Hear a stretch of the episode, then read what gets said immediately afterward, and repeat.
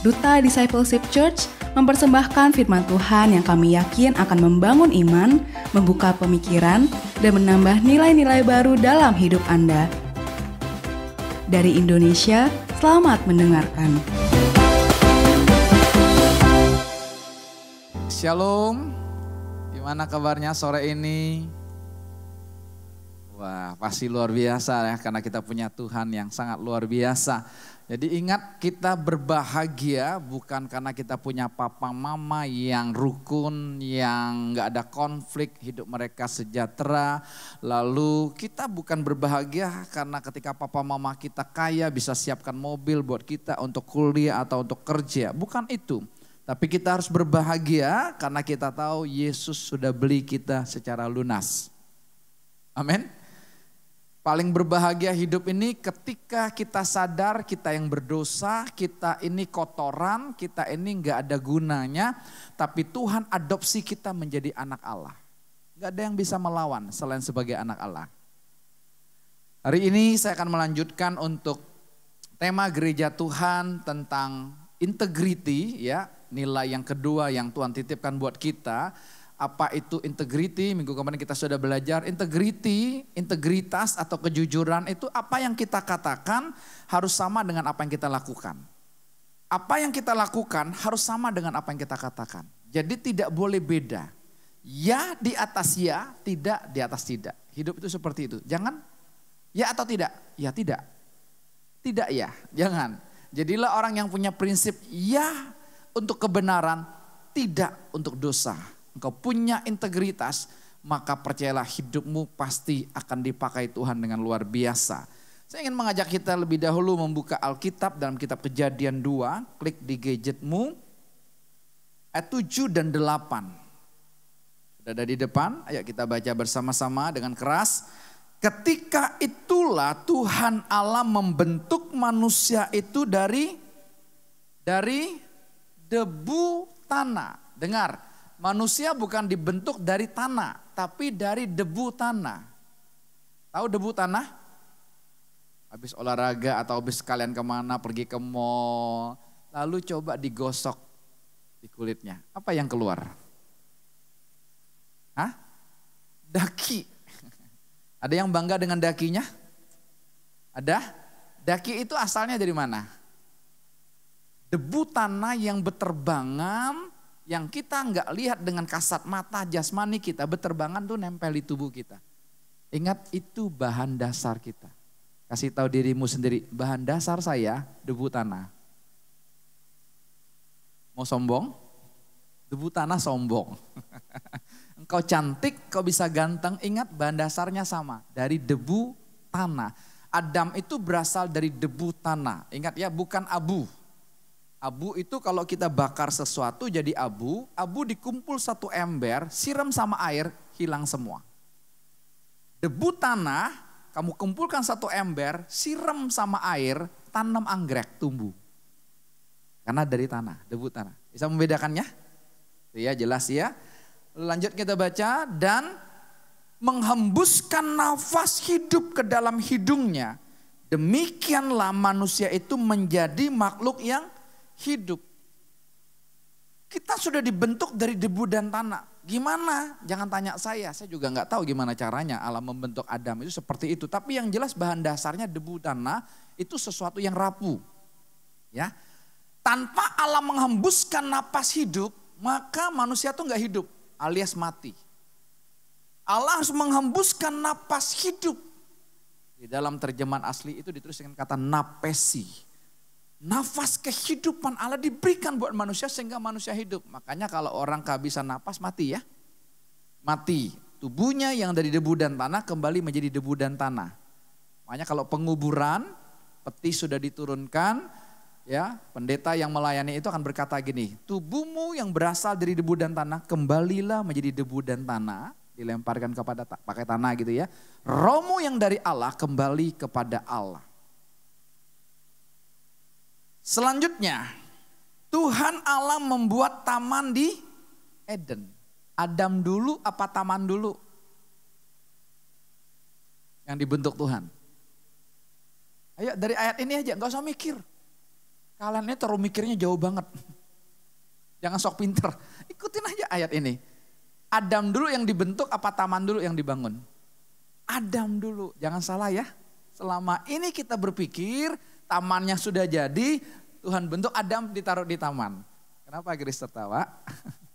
Jangan bohongin jail kids ya. Adik-adik, Tuhan bikin taman di Eden. Semuanya udah dia siapin. Lalu Tuhan bentuk Adam adik-adik. Ditempatkanlah di taman Eden. Tuhan ketawa, nak salah nak. Saya bikin Adam lebih dahulu dari debu dan tanah. Setelah Adam jadi, aku hembuskan napas hidup kepada Adam. Baru aku bikin taman di Eden. Makanya disebut taman Eden. Eden itu nama tempat. Taman di Eden. Jelas ya. Jadi jelas sekali dikatakan di sebelah timur, di situlah ditempatkannya manusia yang dibentuknya itu. Manusia di sini maksudnya Adam. Hawanya sudah ada belum? Kok tahu? Hawa sudah ada belum? Belum. Hai wanita, engkau belum ada. Perempuan dengan engkau belum ada. Jadi laki-laki duluan. Jelas? Baik. Saya akan lanjutkan ayat 15 sampai ayat yang ke-17-nya ya. Tadi ayat 7 dan 8, kita akan melihat ayat 15 sampai 17. Baik, di depan sudah ada, baca lagi sama-sama. Tuhan Allah mengambil manusia itu dan menempatkannya dalam taman Eden untuk apa? Mengusahakan dan memelihara. Tuhan tidak bentuk Adam, ditempatkan di taman Eden, Adam males. Enggak. Tuhan tidak bentuk Adam, ditempatkan di taman Eden, Adam pangku tangan saja, enggak kerja apa-apa, enggak. Dengar pria, bekerja itu bukanlah sebuah profesi tetapi bekerja itu adalah kodrat sebagai ciptaan Tuhan. Jadi engkau harus bekerja, harus. Tapi bekerja bukan karena habis dikutuk. Harusnya kita bekerja seperti Adam bekerja di Taman Eden. Bekerjanya penuh sukacita. Jangan bilang, aduh besok Senin lagi yang kerja ini.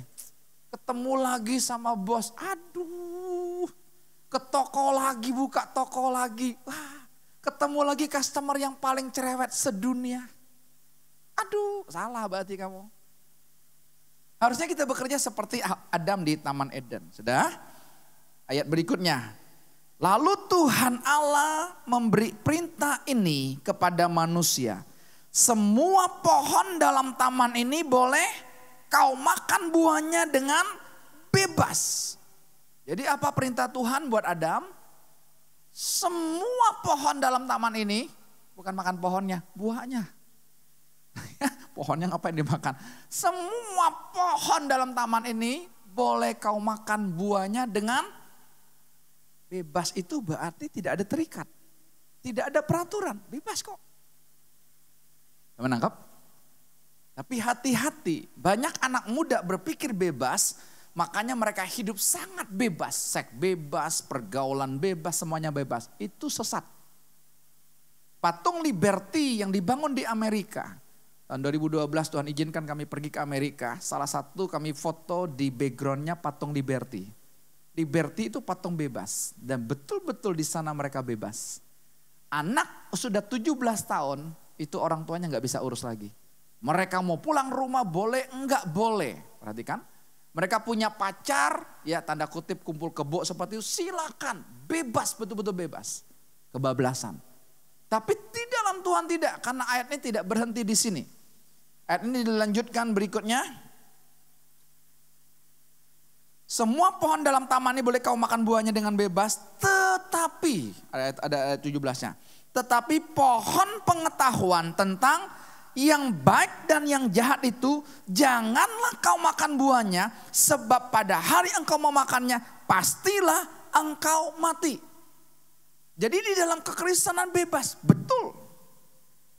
Kata it is finished di atas kayu salib Yohanes 19 ayat 30 kata it is done, kata sudah selesai, ingin menunjukkan bahwa Tuhan sudah menyelesaikan semua yang ada di dunia ini. Di dunia ini nggak ada nggak ada masalah harusnya, nggak ada kalau kita mengerti prinsip ini. Tapi kita sendiri yang bikin masalah. Jadi sudah bebas betul. Karena Tuhan berkata apa? Mari semua kepadaku yang letih lesu dan beban berat, aku akan memberi apa? Kelegaan, rest in God, rest in peace. Tuhan mau kita jadi anak muda yang lega, yang bebas, hidup itu enjoy, hidup itu sukacita, jangan tertekan. Tetapi ingat, kebebasan yang Tuhan berikan kepada manusia selalu ada yang namanya sebuah tanggung jawab. Saya nggak tahu jumlah pohonnya berapa di Taman Eden, jangan tanya saya. Ya, Pak, Pak, Pak, Um, Um, berapa sih jumlah pohonnya? Saya nggak tahu. Ayo kita gini deh matematikanya, 10 ribu. 10 ribu pohon kita taruh ya. Ini ini ini bukan pasti, enggak, ini kan perkiraan aja. 10 ribu pohon. Berarti Tuhan bilang begini, Adam, 9.999 pohon ini buahnya boleh kamu makan. Satu jangan. Adil nggak Tuhan? Jawab, adil nggak Tuhan? Yang keras, adil nggak Tuhan? Adil dong. 9.999 boleh kamu makan. Yang satu jangan. Ilustrasi saya tanggal 28 ya, Marcella en, mamanya bilang jangan keluar ya malam ini lagi siaga satu Indonesia. Karena habis pilpres. Lalu digembok pagernya, lalu pintu kayunya dikunci, mamanya kantongin kuncinya. Bobo. Yang nggak berlaku dan perintahnya. Demikian Tuhan. Kalau Tuhan bilang begini, oke, okay, pohon, kalau di, nanti kejadian tiganya bilang, pohon yang di tengah-tengah, hati-hati dengan kata center. Hidupmu tidak boleh jadi center buat orang lain. Center hidup kita Yesus. Jangan pernah kagum dengan seseorang, jangan pernah mengidolakan seseorang, artis mana pun, jangan pernah engkau idolakan. Suatu saat engkau pasti kecewa. Tapi cukup engkau idolakan Yesus dalam hidupmu. Jangan idolakan dosenmu, jangan idolakan kakak pembinamu, jangan idolakan bosmu di kantor, jangan idolakan papamu atau mamamu. Semua itu akan berubah. Tapi cukup idolakan Yesus. Itu prinsip hidup. Ya. Jadi Tuhan tuh kasih gini, semua pohon dalam taman membeli ke mana? Yang satu yang di tengah. Jadi pohon pengetahuan baik dan jahat itu taruh di tengah. Yang ini jangan dimakan. Waktu kamu makan, jawabnya apa? Jawabnya apa ini? Pastilah, ingat di dalam Tuhan itu pasti. Di dalam Tuhan tidak ada kata semoga. Di dalam Tuhan tidak ada kata mudah-mudahan. Di dalam Tuhan tuh pasti. Bilang sama-sama, di dalam Tuhan tuh pasti. Kalau engkau iring Tuhan sungguh-sungguh, Tuhan hadir dalam hidupmu, kau undang dia masuk di hatimu dan makan bersama-sama dengan dia, dia bersama-sama dengan engkau, dengar hidupmu pasti di dalam Tuhan. Karena dia adalah jaminannya. Ya, hari-hari ini kami bertemu dengan orang, kami nggak terlalu banyak ngomong, singkat aja, undang Yesus dalam dirinya, makan Tadi saya makan aja, saya ketemu dengan seseorang, nggak kebetulan karena saya lagi ngobrol dengan seseorang, ya karena dia punya konsep yang lama, ya saudara Kedar kita puasa 30 hari, dia puasa 40 hari. 10 hari sebelumnya. Selesainya bareng, tapi kan lebih hebat. Kamu 30 hari, saya 40 hari. Kamu bangun subuh jam 4, saya doa jam 3. Kan lebih hebat. Omong kosong. Itu Torat. Tuhan kita nggak seperti itu.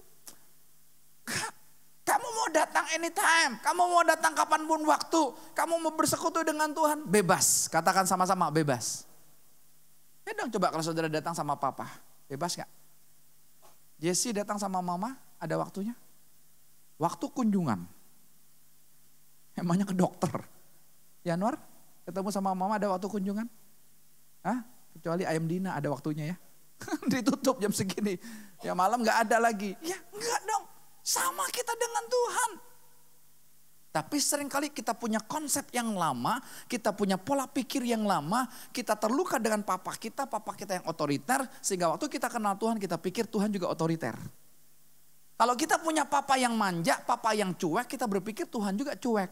Beda. Itulah tipu daya iblis yang membuat kita nggak bisa kenal Bapak dengan benar lewat Bapak jasmani yang merusak hidup kita. Ya, jadi jelas ya pasti. Lalu saudara coba lihat ini, kalian coba lihat. Dibilang gini, pohon pengetahuan tentang yang baik dan yang jahat. Mengapa tidak disebut pohon pengetahuan yang jahat? Kok ada yang baik? Yang baik boleh dong. Tapi kok dilarang? Coba berpikir ya, kalian orang pintar kan? Ya, kuliah S1, S2. Cia. Saya ajak berpikir sedikit. Silakan, siapa yang bisa jawab? Mana Andri? Kamu jangan sembunyi Andri. Nah, agak depan aja. Sini dekat Vina Andri. Bilang Vin, jangan menjauh daripada aku. Ini ini ini depan deh. Ya, ya, ya. ya. Coba, coba, coba, yuk kita pikirkan ya. Saya mau share aja. Mengapa pohon ini diberkata pohon pengetahuan tentang yang baik dan yang jahat? Mengapa tidak cukup yang jahat? Kok yang baik aja dilarang? Ada jawaban? Sisi kanan saya tidak berani. Tidak yang berani menjawab. Salah nggak apa-apa. Ini bukan ujian. Sisi kiri saya. Salah nggak apa-apa Andri. Saya bapak yang baik. Oh bapak yang baik. Andri. Salah nggak ada hubungannya dengan Vina, nggak ada. Tetap habis ini ajak makan. Apa Andri? Kenapa kok yang baik juga disebut di situ? Gak apa-apa, apa yang ada di pikiranmu, apa yang kamu ketahui. Baiknya menurut kita. Oh, baiknya di sini menurut kita ya. ya. Jadi tetap baik gak di hadapan Tuhan ini? Belum tentu. Loh, kok belum tentu?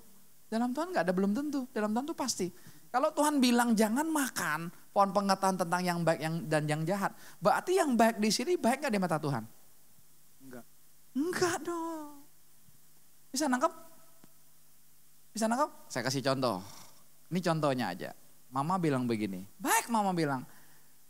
C, nanti kalau cari pacar C, cari yang kaya C. Baik nggak? Ada orang nggak sih? Saya pulang loh nanti loh. Ditanya baik nggak? Ada orang nggak nih? C, kalau punya pacar yang kaya C, baik nggak? Baik dong. Benar nggak? Tidak benar. Jangan bilang belum tentu benar. Tidak benar.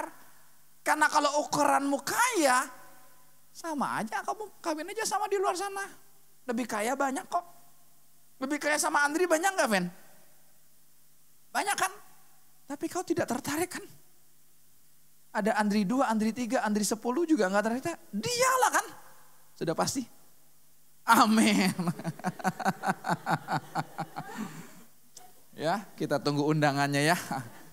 Tapi sekarang undangannya canggih loh. Saya baru dapat undangan dua bulan yang lalu. Itu saya masih isi loh. Lalu waktu saya isi-isi submitnya salah lagi.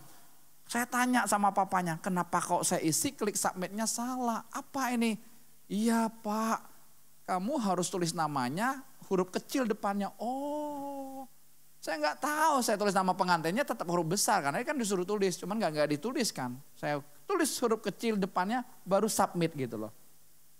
Oh, di bawahnya ditulis perlu undangan, maksudnya jasa oh, uh, undangan nyatanya atau cukup aja by email. Saya bilang nggak apa-apa mau kirim undangannya, gitu ya. Jadi praktis sekarang, tinggal list nama orangnya. Kirim aja per WA, nggak usah kirim itu mahal. Apa yang kirim? belum tentu sampai. Hmm, kalau WA sekarang kan tinggal di foto, cek. Cuman kalau buat orang tua, dia nggak mau. Jadi hormatilah orang tua orang tua. Locong-locong dihormati. Dia nggak mau pakai WA. Oke, jelas ini. Kalian belajar sesuatu nggak? Saya juga baru dibukakan Tuhan. Yang baik pun di mata dunia, yang kalian anggap baik, tetap di mata Tuhan tidak baik. Jangan yang jahat loh. Yang jahat ketahuan banget. Membunuh, mencuri, memperkosa, berzina. Itu jahat. Tapi sering kali yang kalian lupa. Contohnya apa? Kuatir. Waduh wajar dong khawatir. Papa saya uh, sakit, mama papa saya cerai. Wajar dong saya khawatir, saya nggak bisa kuliah lagi. Sangat alasannya benar. Tapi saya mau beritahukan, khawatir itu tanda engkau tidak percaya. Tanda engkau tidak percaya. Berapa hari yang lalu saya bertemu dengan seseorang, karena saya isi uh, di sebuah sekolah acara Parents Day-nya. Lalu ini mama dari guru. Jadi biasa sekolah ini uh, dia memperlihatkan bahwa kasih sayang mama dengan anak ya. Hari Rabu dia bawa papa mertuanya. Hari Jumat dia bawa mama kandungnya. Orang yang sama, guru yang sama gitu. Yang hari Jumatnya saya ketemu dengan mamanya. Wah mamanya kesaksian ramai sekali. Habis itu selesai uh, saya makan sama-sama dengan mereka ditemani satu guru. Oh, dia mulai cerita. Anaknya juga ikut. Ini anaknya anak laki-laki ya, ini mamanya. Mulai cerita-cerita banyak. Lalu dia mulai cerita gini. Uh, saya panggil dia Cici, usianya 60 lebih. Kenapa saya panggil dia Cici? Karena kakak saya yang paling tua aja 70 lebih. Jadi kalau saya panggil kamu tante nggak cocok karena kakak saya aja 70 lebih. Saudara bisa nangkep ya? Karena kakak saya yang sulung sama saya bedanya 25 tahun. Jadi nggak heran keponakan saya yang paling besar usianya seusia saya. Nggak heran itu ya. Dia mulai cerita, mulai cerita, dia bilang nih, puji Tuhan loh Pak Pendeta. Saya punya tiga anak Pak. Yang pertama sudah kawin, yang kedua sudah kawin, ini yang kedua ini jadi guru Pak. Tapi yang ketiga sedang kuliah musik di Thailand ah Thailand, Taipei, Taiwan, maaf, Cina Taipei, Taiwan. Oh ya, bagus dong saya bilang. Iya, uh, gini Pak, sebenarnya waktu dia S1 uh, eh, dia mengambil satu jurusan, tapi waktu dia mendengar dari gereja menjelaskan jurusan yang menyesatkan, sampai anak saya itu menyesal sekali sekolah jurusan ini. Jurusan apa itu? Kalau mau ngomong pribadi abis ini dengan saya.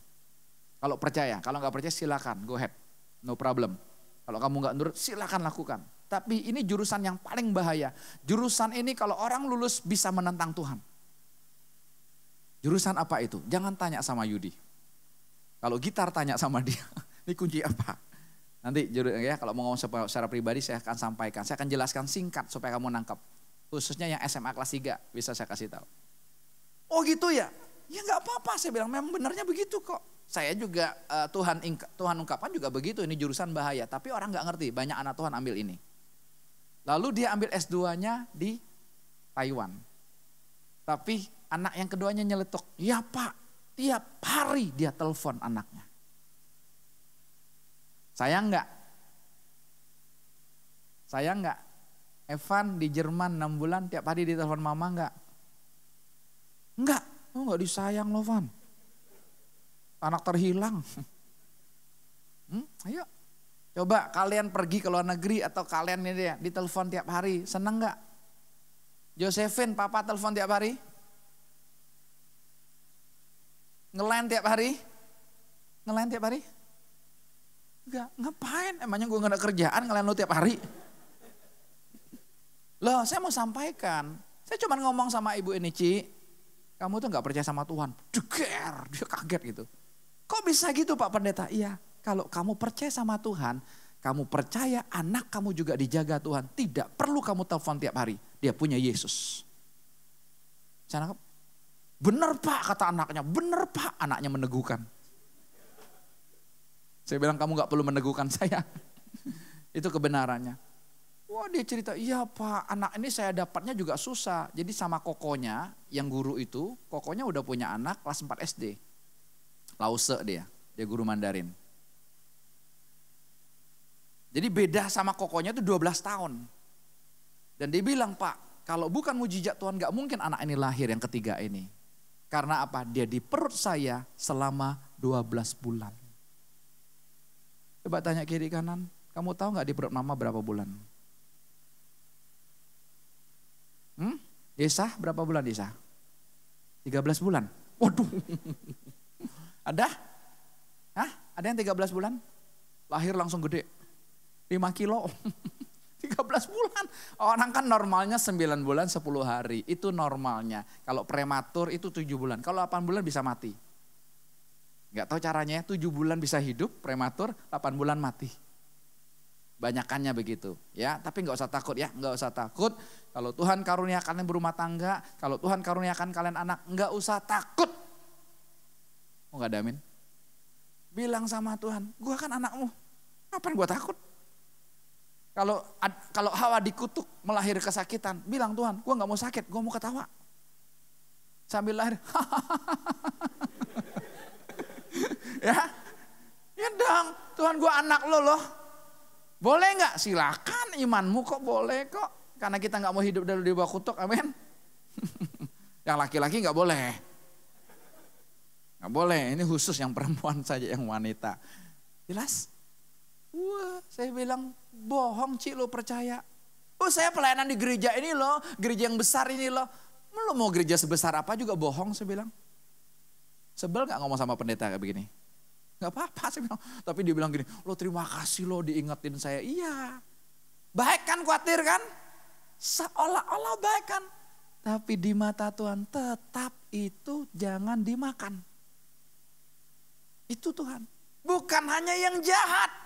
Yang baik dari kacamata manusia. Yang baik dari kacamata papa mama kita. Jangan. Jangan. Salah besar. Kalau kamu makan pasti mati. Tuhan tuh pasti mati. Ya kita akan lihat ayat berikutnya kejadian 3. Saya akan baca kepada kalian ayat 1 sampai 7. Kita baca sama-sama dengan suara keras. Kejadian 3 ayat 1 sampai 7. Ya dengan keras 2 3. Adapun ular ialah yang paling cerdik dari segala binatang di darat yang dijadikan oleh Tuhan Allah Ular itu berkata kepada perempuan itu, tentulah Allah berfirman, semua pohon dalam taman ini jangan kamu makan buahnya, bukan? Saya mau tanya, kenapa ular yang dilambangkan, ah, melambangkan iblis, godanya perempuan? Kenapa dia nggak goda Adam? Hari ini khotbahnya banyak mikir. Coba kenapa Angel? Kenapa dia goda perempuan? Belum ada nama Hawa loh. Nama Hawa itu setelah jatuh dalam dosa ayat 20. Kejadian 3 ayat 20 baru Adam kasih nama kepada perempuan itu Hawa. Tapi sebelumnya belum. Sebut perempuan. Kenapa yang digoda perempuan? Kenapa enggak Adam? Manusia itu yang digoda. Kenapa yang keras? Perempuan gampang lulu. Oh perempuan. Engkau gampang lulu perempuan. Karena apa? Karena perempuan itu dari tulang rusuk Adam.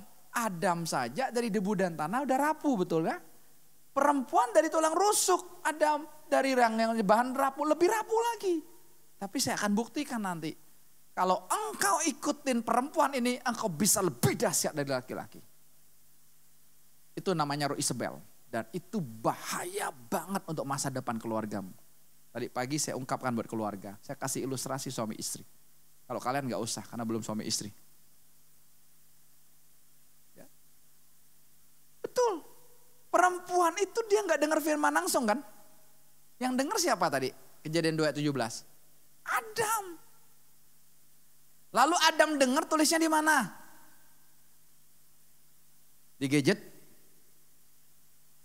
Tulisnya di mana? Ada waktu dengar firman Tuhan. Di mana, Fen? Di hati. Itulah yang Tuhan ajarkan kepada kami. Di hati. Cuman kalian nggak ngerti pemahaman ini waktu kami buka kan kalian bingung memang. Tapi kalian belajar. Yohanes 16 ayat 12 bilang begini. Yesus bilang sama murid-muridnya begini. Sebelum dia terangkat. Dia bilang gini, dengar murid-murid. Banyak hal yang belum aku ungkapkan kepadamu. Karena apa? Waktu aku ungkapkan kamu tidak sanggup menanggungnya. Artinya gini, kalau kami jelaskan kepada kalian semuanya apa yang kami dapatkan dari Tuhan secara langsung, kalian gak sanggup menanggungnya, itu bahaya. Bisa ngerti? Adikmu yang masih kecil, yang masih bayi, mama masak rendang, jangan coba-coba dikasih rendang. Siapa yang adiknya masih bayi? Ada? Yang masih balita, di bawah lima tahun. Ada nggak? Enggak ya, udah gede semua ya. Kalau enggak udah ya. Kalau adikmu masih kecil yang balita, jangan kasih dia rendang. Udah dikasih rendang pedas lagi. Mama bisa marah. Bisa menangkap. Itu makanan baik kan, tapi enggak baik buat adikmu. Dia belum punya pencernaan yang baik untuk mencerna rendang. Sama. Kalau saya bagikan semuanya, kelas fire, DC fire, yang mereka pegang kelas Senin saja, Pak Dapot istri, Pak Paulus istri, eh, Pak Seven istrinya aja. Saya belum bukakan semuanya. Saya bilang gini, kalau saya bukakan semua kalian pun gak siap. Karena apa? Setiap hari Tuhan ajarkan kami berdua, setiap hari ada sesuatu yang baru yang kami bilang gini, wow, wow, wow. Itu loh. Jelas? Ya, Adam itu tulisnya di hati. Mengapa perlu di hati? Nanti kalian compare ayatnya 2 Korintus 3 ayat 3. Jangan tulis di tinta, tapi tulis di lo hati kita. Kalian mau tulis silakan, terserah kalian. Tapi kalau kalian tangkap kebenarannya, dengar aja sungguh-sungguh. Tuhan roh kudus tulislah di lo hati saya. Supaya mendarah daging firman yang tertulis yang ada di, di, di gadget kita, yang ada di Alkitab itu adalah firman tertulis, tetapi jadi rema dalam hidup saya. Rema itu mendarah daging. Gimana cara mendarah daging? Tulislah di daging hatimu. Kalau tulis di kertas, tulis di gadgetmu, bukan mendarah daging itu namanya. Kau bisa lupa buat gadget, kau bisa lupa buat catatanmu. Tapi hatimu gak lupa kan? Ada yang lupa buat hati? Loh gimana? Hatinya ketinggalan. Di busway. Gak ada. Di MRT ketinggalan, nggak ada. Kalau dibawa terus kan, catatan bisa ketinggalan, gadgetmu bisa ketinggalan, no? Bisa. Saya sering lihat orang gadgetnya ketinggalan, ya. Itu punya roh pelupa sangat tinggi sekali, bahaya. Baik, kita lanjutkan ayat yang kedua. Terima kasih Angel buat jawabannya. Ayat yang kedua, sama-sama yuk. Lalu saut perempuan itu kepada ular itu, buah pohon-pohonan dalam taman ini boleh kami makan, tetapi tentang buah pohon yang ada di tengah-tengah taman, Allah berfirman, jangan kamu makan ataupun raba buah itu nanti kamu, Tuhan ngomong sama Adam, ada nggak rabanya? Ada nggak? Kok Hawa nambah sendiri perempuan ini? Sok pinter nggak? Yang nambah-nambah tuh sok pinter nggak? Sok pinter? Iya, kita ini sok pinter ditambah-tambahin, ingin menunjukkan kita hebat, kita kuliah, wah kita hebat sendiri gitu, kita tambah-tambahin. Gak usah. Percaya Tuhan penuh saja. Tuhan cuma bilang sama Adam, Adam, pohon pengetahuan yang baik dan jahat ini jangan kamu makan. Kalau kamu makan pasti mati. Itu kan Tuhan perintahkan kepada Adam, kepada manusia itu, cuman Hawa ditambahin. Jangan kamu makan atau raba buah itu nanti. Kalau nanti kan belum pasti dong. Betul nggak? Kalau tensis bahasa Inggris nanti itu apa? Apa? Grace, tensisnya. Nanti, nanti. Akan. Future kan? Padahal Tuhan bilang ini pasti. Saat kamu makan, saat itu juga pasti. Ini Hawa, makanya hati-hati ya. Orang kalau kirim duit bisa berkurang. Kirim berita bisa nambah, nambahnya banyak lagi. Ini kan nambahnya parah banget. Jangan kamu makan ataupun raba buah itu ditambah raba. Enggak. Tuhan bilang jangan makan. Nanti kamu mati. Lalu kita lihat berikutnya. Apa yang dialog berikutnya? Ayat, ke, ayat keempat ya. Tetapi ular itu berkata kepada perempuan itu, sekali-kali kamu tidak akan mati. Perhatikan, sekali-kali kamu tidak akan mati. Kalian pernah dengar kata reinkarnasi? Pernah belajar reinkarnasi? Tahu lah kata reinkarnasi ya. Reinkarnasi itu begini. Kamu baik nih karma kamu nih di dunia ini. Kejar kebaikan, amal kebaikan. Nanti kalau kamu dilahirkan kembali, kamu akan jadi dewa atau dewi. Tapi kalau kamu nggak baik nih karmanya di dunia ini, kamu jahat, kamu ini. Nanti kamu waktu reinkarnasi jadinya apa? Babi, babi guling. Makanya nggak heran di India, ya mereka tidak makan daging sapi. Karena mereka takut Salah satu sapi itu adalah reinkarnasi dari kakek dan nenek moyang mereka. Ini nih, siapa yang mulai dulu? Setan itu. Kekristenan tidak mengenal reinkarnasi. Kekristenan mengenal Ibrani 9 ayat 27. Manusia mati satu kali setelah itu dihakimi. Tidak ada reinkarnasi. Kekristenan adanya inkarnasi. Yesus Allah itu jadi manusia. Itu inkarnasi, bukan reinkarnasi. Ini ayat 4. Tapi iblis bolak-balik. Jadi hati-hati. Kalian jangan dialog sama iblis, gak usah. Kalian kalah pengalaman. Yesaya 14 terjemahan firman Allah yang hidup. Iblis itu malaikat Lucifer. Malaikat Lucifer. Hanya firman Allah yang hidup aja ada. Firman terjemahan lain saya nggak ketemukan. Saya sudah pernah jelaskan belum bahwa iblis itu perdana menterinya surga? Sudah. Oke, kalau sudah saya nggak perlu jelaskan lagi. Berarti kalian sudah nangkep ya. Ada delapan yang lalu mungkin saya jelaskan. Jadi jelas ya. Sekali-kali kamu tidak akan mati. Kita baca berikutnya ayat yang kelima. Tetapi Allah mengetahui pada waktu bahwa pada waktu kamu memakannya matamu akan terbuka dan kamu akan menjadi seperti Allah, tahu tentang yang baik dan yang jahat. Perempuan itu melihat bahwa buah pohon itu baik untuk dimakan dan sedap kelihatannya. Lagi pula pohon itu menarik hatinya karena memberi pengertian. Lalu ia mengambil dari buahnya dan dimakannya dan diberikannya juga kepada suaminya yang bersama-sama dengan dia. Dan suaminya pun memakannya. Maka terbukalah mata mereka berdua dan mereka tahu bahwa mereka telanjang. Lalu mereka menyemat daun pohon ara dan membuat cawat. Tema khotbah saya hari ini adalah sumber hoax. Sumber berita bohong itu dimulainya dari kejadian tiga. Jadi kalian harus belajar ketika dengar berita. Banyak berita-berita di dunia yang kalian dengar dari teman-temanmu, dari grup WA-mu, grup lainmu, itu banyak bohongnya. Jelas? Jangan pernah iri lihat Instagram temanmu, wah dia udah ke Eropa, wah dia udah ke sini, wah dia udah ke sini. Padahal dia ke Van, apa? Paris Van Java. wah dia udah ke Eropa, Eropa mananya? Eropa Bogor itu loh. Itulah tipuan. Pernah kan kalian, saya pernah lihat tipuan itu, wah dia foto gini, rapi pokoknya gitu, tahu-taunya berantakan. Pernah tahu ya? Itulah manusia. Kenapa? Karena kita ingin pembuktian diri. Karena anak-anak muda ini lebih banyak pembuktian diri. Nih lihat nih gua hebat nih. Nih lihat nih gua pinter nih. Nih lihat nih gua cantik nih. Nih lihat nih gua ganteng nih. Saya bertemu dengan seorang pengusaha yang sukses. Beberapa hari yang lalu. Saya ngafe dengan dia, saya ngopi dengan dia, saya ngobrol dengan dia. Dia cerita. Giliran waktu saya ngomong saya cuma bilang begini. Kamu sombong. Jeger langsung kan. Gak usah ngomong banyak-banyak. Karena Tuhan bilang ini ngomongnya itu berat berat tuh berbobot, tapi langsung kena hatinya. Kamu sombong saya bilang.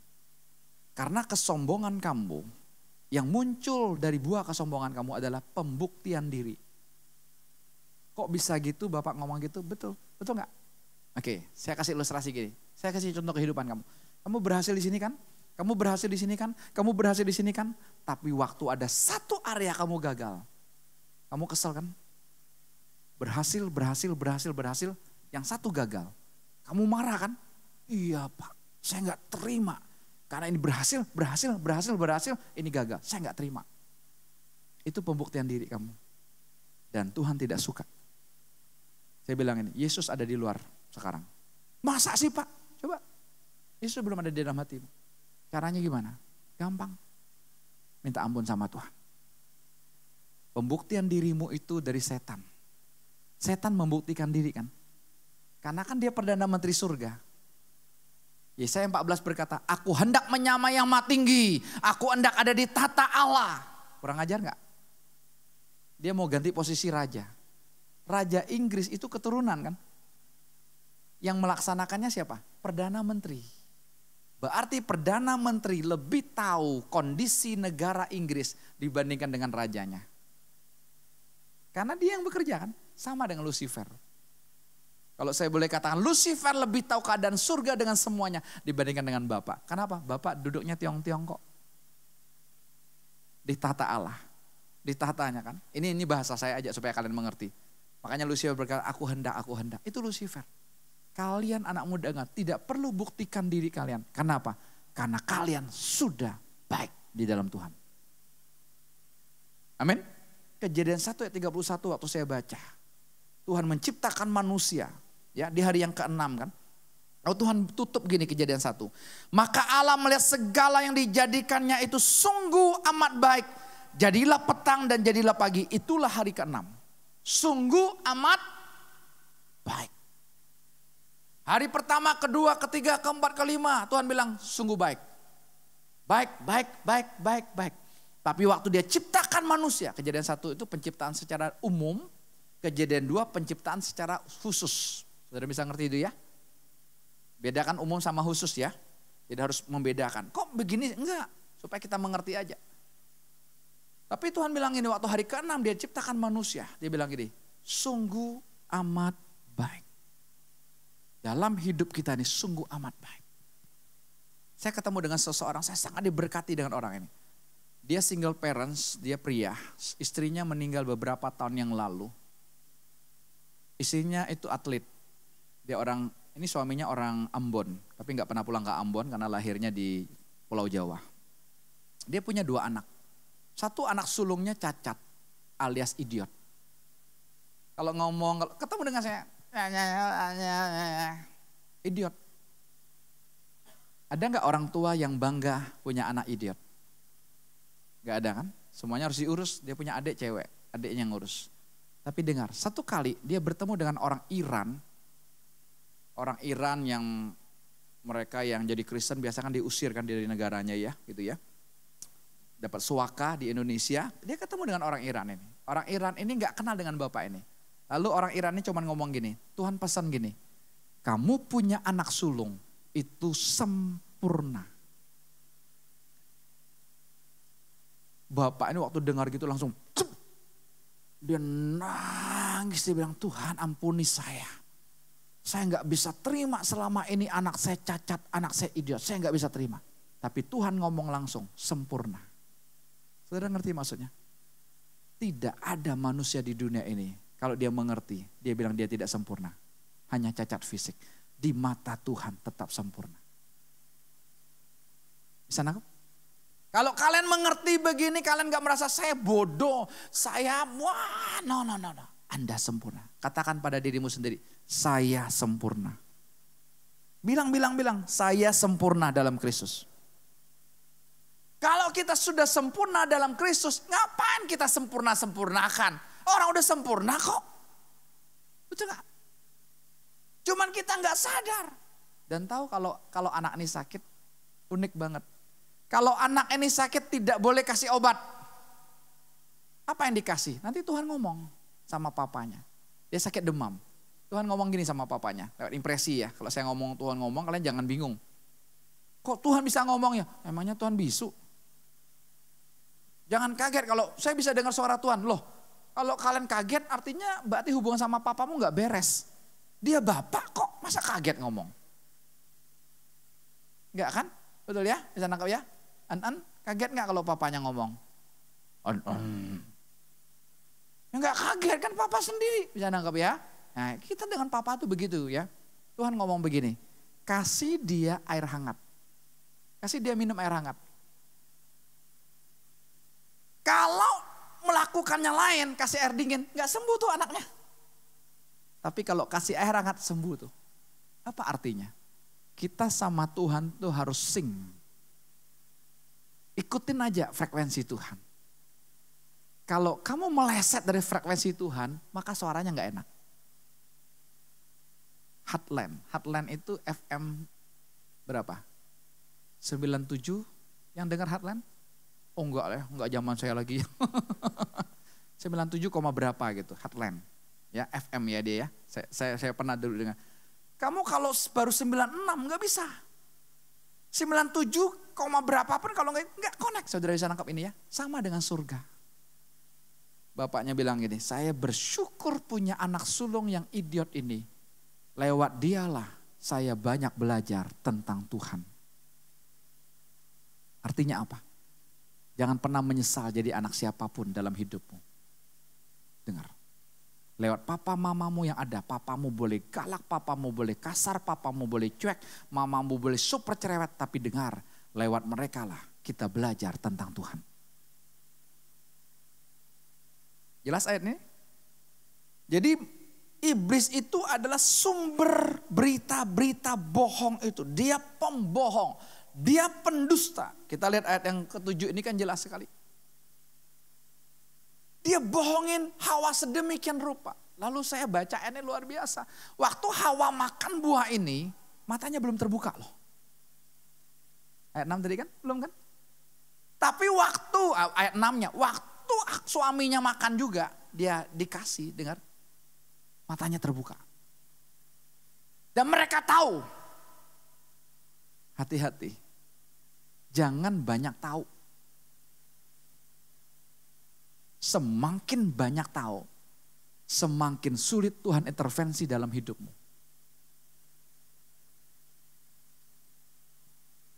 Bingung ya? Yang kuliah mulai goncang. Saya tahu itu, kau mulai goncang. Yang udah lulus juga mulai bingung. Ijazahnya buat apa ya? Yang mau lanjutkan S2 lebih bingung lagi. Ini maksudnya apa ya? Ayat ini bilang kan, maka terbukalah mata mereka berdua. Emangnya buta sebelumnya? Enggak kan, tetap melek kan?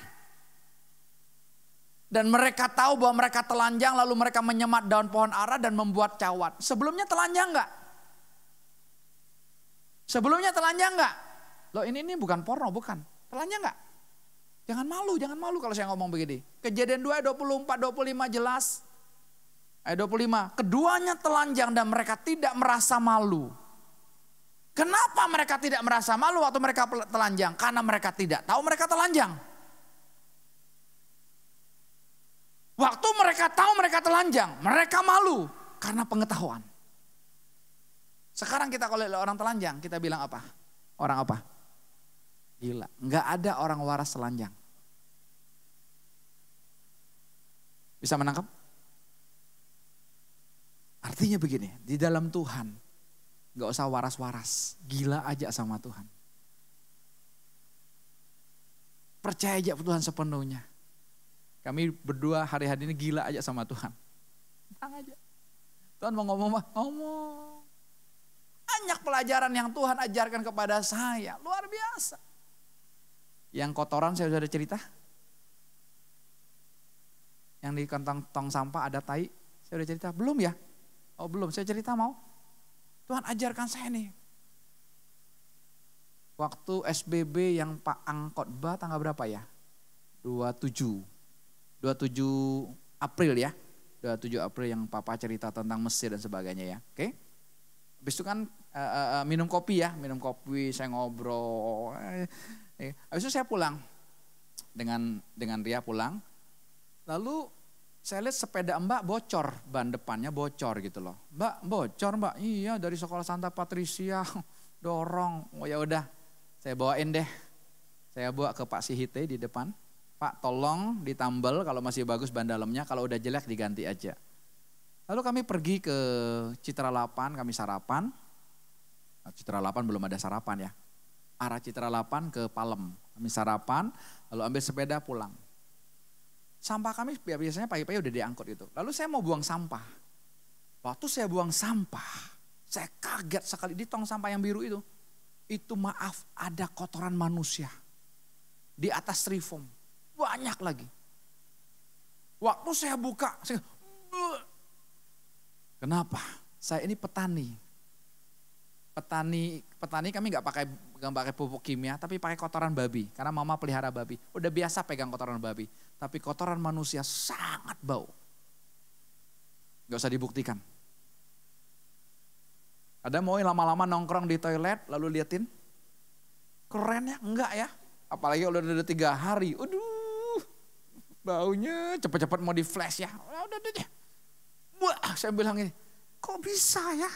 Tahu nggak Tuhan ngomong apa? Andreas, itulah kamu. Kayak tai.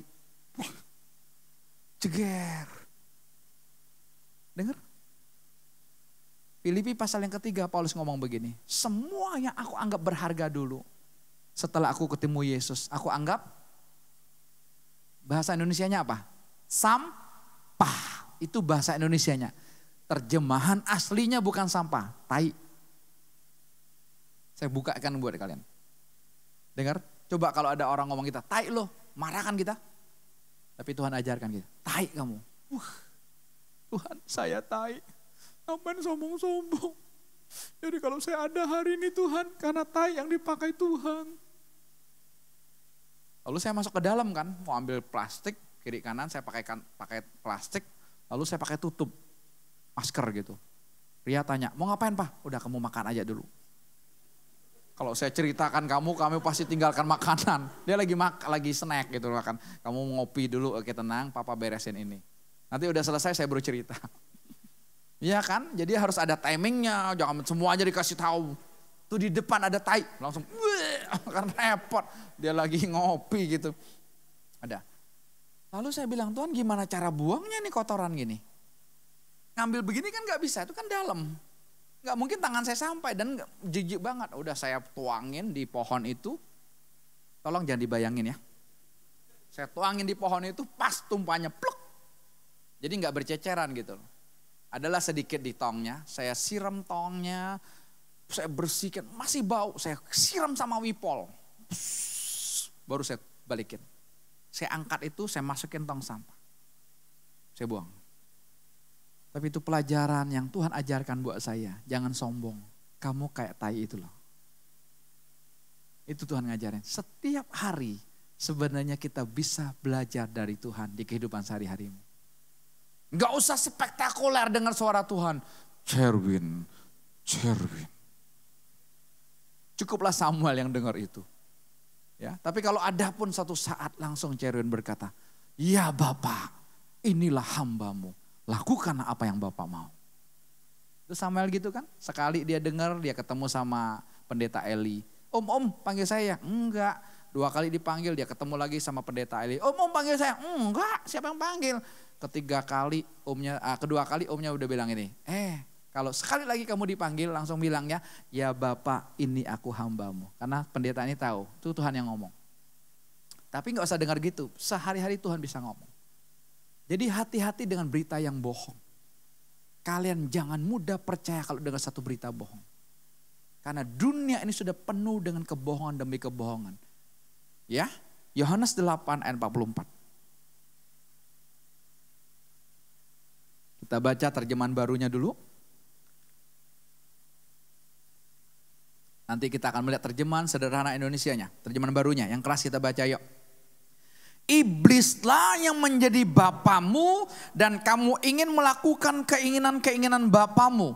Ia adalah pembunuh manusia sejak semula dan tidak hidup dalam kebenaran. Sebab di dalam dia tidak ada kebenaran. Apabila ia berkata dusta, ia berkata atas kehendaknya sendiri. Sebab ia adalah pendusta dan bapak segala dusta. Terjemahan sederhana Indonesia. Bisa? Iya. Baca lagi yuk.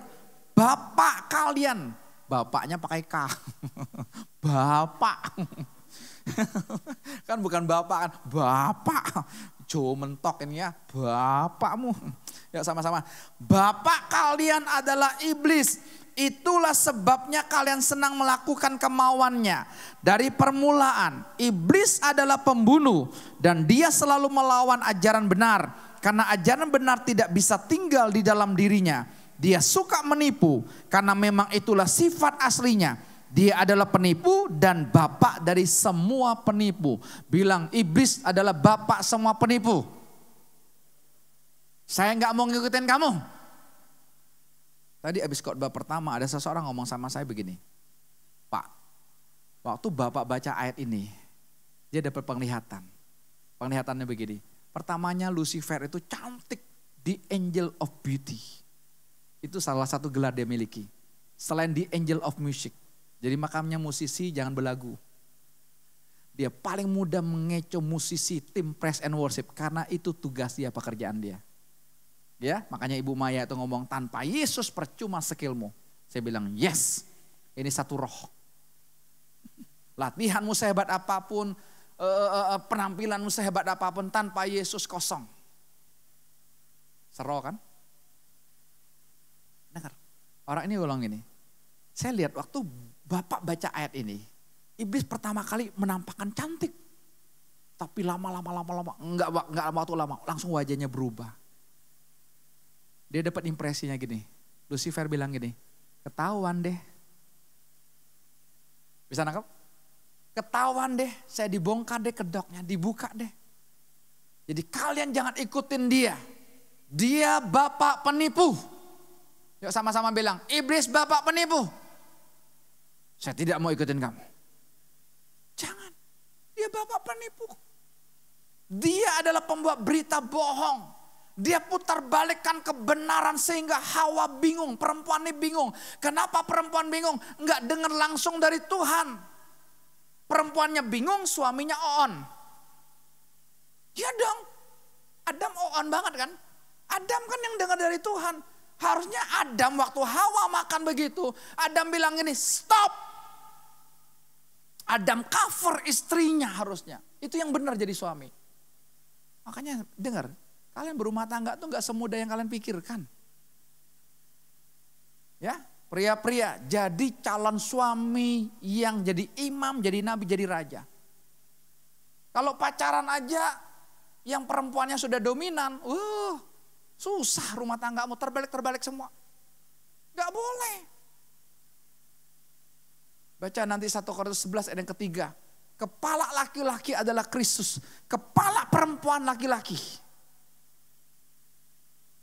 Saya ungkapkan pagi tadi karena untuk keluarga itu. Supaya mereka terbuka. Tapi banyak kan perempuan-perempuan jadi leader. Jadi pemimpin. Kalau dia nggak di cover sama laki-laki pasti ngaco. Pasti Isabel. Pernah baca Isabel? Satu raja-raja 21 ya catat aja nanti ini boleh dicatat supaya kalian hafal nanti bacanya. Uh, kalau saya baca ngeri banget, saya cerita singkat aja. Dia punya suami namanya Ahab. Ahab tuh raja Israel yang berdomisili di Samaria. Jago perang. Pasal 19, pasal 21 raja-raja. Dia baru menang perang lawan tentara Aram. Tentara Aram raja namanya Raja Ben Hadad. Sampai Raja Ben Hadad akhirnya menyerah, akhirnya mereka berkoalisi. Udah deh kita nggak usah perang deh, gue kalah deh, kita berkoalisi. Pasal 21, Ahab kepingin kebun anggur Nabot di samping istananya. Buat apa? Kebun sayur. Ya ketemu sama anak buat, buat, buat, buat, gue mau beli loh, kebun lo. Boleh nggak? Lo jual nggak? Kamu pilih dua. Saya beli lunas, saya bayarin uang. Kalau orang bayar kamu 10 juta per meter, gue bayar 20 juta deh. Atau yang kedua, gue beliin buat kamu kebun anggur di tempat yang lain. Lebih luas, lebih subur. Mau nggak? Nabot bilang gini, waduh nggak bisa raja, ini warisan nenek moyang. Ini punya bapak gua, punya mak gua nih. Gua nggak tega jual deh. Wah dia pulang sedih, si Ahab pulang sedih. Lalu dia tidur, dia nggak mau makan. Ngambek gitu loh, ngambek, ngambek, ngambek. Raja ngambek. Ya kan? Lalu istrinya datang si Isabel. Pah, ngapain pak tidur-tiduran pak? Gue pusing. Pusing apa pak? Iya mah. Bahasa sehari-harinya ya. Iya mah, gua kepingin itu tuh kebun anggur nabot mah di samping istana kerajaan mah. Mau bikin kebun sayur, tapi dia nggak kasih mah. Isabel bilang apa? Gampang. Dia bikin surat atas nama Ahab dan tanda tangan Ahab. Kurang ajar nggak perempuan ini? Ngomong dulu, jawab dulu. Kurang ajar ini perempuan. Kurang ajar nggak? Saya bilang sama ibu-ibu tadi, tolong ibu-ibu jangan gertakin anakmu begini. Nanti papa pulangnya mama kasih tahu. Lu Isabel. Itu Isabel lo gitu loh. Dia pakai nama Ahab, tanda tangannya Ahab loh. Setempel materainya Ahab kan raja. Dikirimlah ke pemuka yang ada di kota Nabot. Isinya apa? Kamu kumpulkan orang untuk berpuasa. Ini sesat gak? Kumpulkan orang untuk berpuasa, tempatkan Nabot duduk paling depan, lalu munculkan dua saksi. Kalau terjemahan firman Allah yang hidupnya dua saksi dusta. Kalau terjemahan barunya dua orang dursilah. Kumpulin betul, Nabot ditaruh di depan, muncul dua orang dursila, langsung bilang gini, kamu mengkhianat raja dan Tuhan. Hukumnya dia ditarik. Bawa keluar di rajam batu mati. Tolong jangan lakukan sama Ko Yanwar. Jangan rajamkan dia, kasihan dia. Ya, jangan muncul saksi dusta. Itu saksi dusta, setan banget, Bang. Jelas? Pemimpin pemuka di kota Nabot kasih kabar sama Isabel. Harusnya kasih kabar sama raja dong. Betul nggak? Surat raja kok. Tapi yang suruh Isabel. Ayo. Udah selesai. Isabel kasih tahu sama Ahab, "Pah, udah beres. Ambil aja." Kira-kira kurang ajar kan? Uh, Tuhan marah besar sama Ahab. Tuhan bilang begini, kalau tidak salah ayat yang ke-20-nya. Keturunan Ahab yang mati di kota dimakan anjing, yang mati di padang dimakan burung. Anda baca itu? Uh, gak main-main. Tapi Ahab bertobat, dia minta ampun. Ahab tidak tidak alami itu, tapi keturunan yang alami. Itu loh Isabel, itu wanita. Hati-hati kau wanita. Kau harus tanya Tuhan betul-betul cari calon suami. Jangan kau berpikir kau hebat setir pacarmu. Oh gini, ke sini, ke sini, ke sini, ke sini. Nanti waktu menikah juga kamu setir dia. Cukuplah kamu setir mobil. Jangan setir pacarmu. Atau jangan setir nanti suamimu. Setir aja mobil kalau mau naik mobil. Ini benar. Saya ngeri sekali lihat Isabel-Isabel yang muncul. Biasanya ngaco ke pemimpinannya. Susah ditegur dan sebagainya. Kenapa? Merasa leader. Tapi waktu Tuhan buka kan satu Korintus 11 itu. Sebenarnya kesimpulannya. Perempuan itu tidak boleh memimpin. Kalau dia memimpin, dia harus ada pengkafaran dari pria. Karena kepala perempuan itu laki-laki. Jadi gimana kau sebagai perempuan? Tunduklah kepada laki-laki karena dia kepalamu. Kalau dia suamimu, dia kepalamu. Tunduk sama kepala, pasti aman. Jangan jederin kepala di dinding. Bonyok. Dan nangkep ya. Jadi ini pelajaran BPN dulu sedikit buat kalian bimbingan pranikah supaya kalian ngerti. Kalau enggak payungnya dibalik itu bahaya. Tiangnya di atas, payungnya di bawah. Berfungsi enggak? Jairin pernah bawa itu? Bawa payung terbalik? Keliling duta? Ini orang begini nih. Hujan pasti akan nampung air hujan dan hancur. Panas pasti akan kena. Pakailah payung yang benar. Payungnya di atas, tiangnya di bawah. Tidak kehujanan, tidak kepanasan. Hidupnya penuh sukacita. Saya tutup dengan ayat yang terakhir, Yohanes 14 ayat yang ke-6. Kita harus tahu inilah kebenarannya. Yohanes 14 ayat yang ke-6. Kita baca yuk bersama-sama ayat terjemahan baru ini lebih dahulu ya dengan keras. Kata Yesus kepadanya, akulah jalan dan kebenaran dan hidup. Tidak ada seorang pun yang datang kepada Bapa kalau tidak melalui aku. Jelas Yesus bilang, akulah jalan dan kebenaran dan hidup. Artinya di luar Yesus tidak ada jalan. Banyak jalan menuju Roma, yes. Tapi satu jalan menuju surga lewat Yesus. Di luar Yesus tidak ada kebenaran.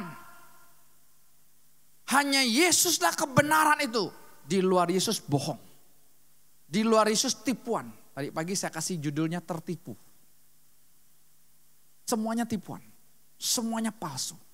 Tapi Yesuslah kebenaran. Yesus bilang aku hidup. Berarti di luar Yesus tidak ada hidup.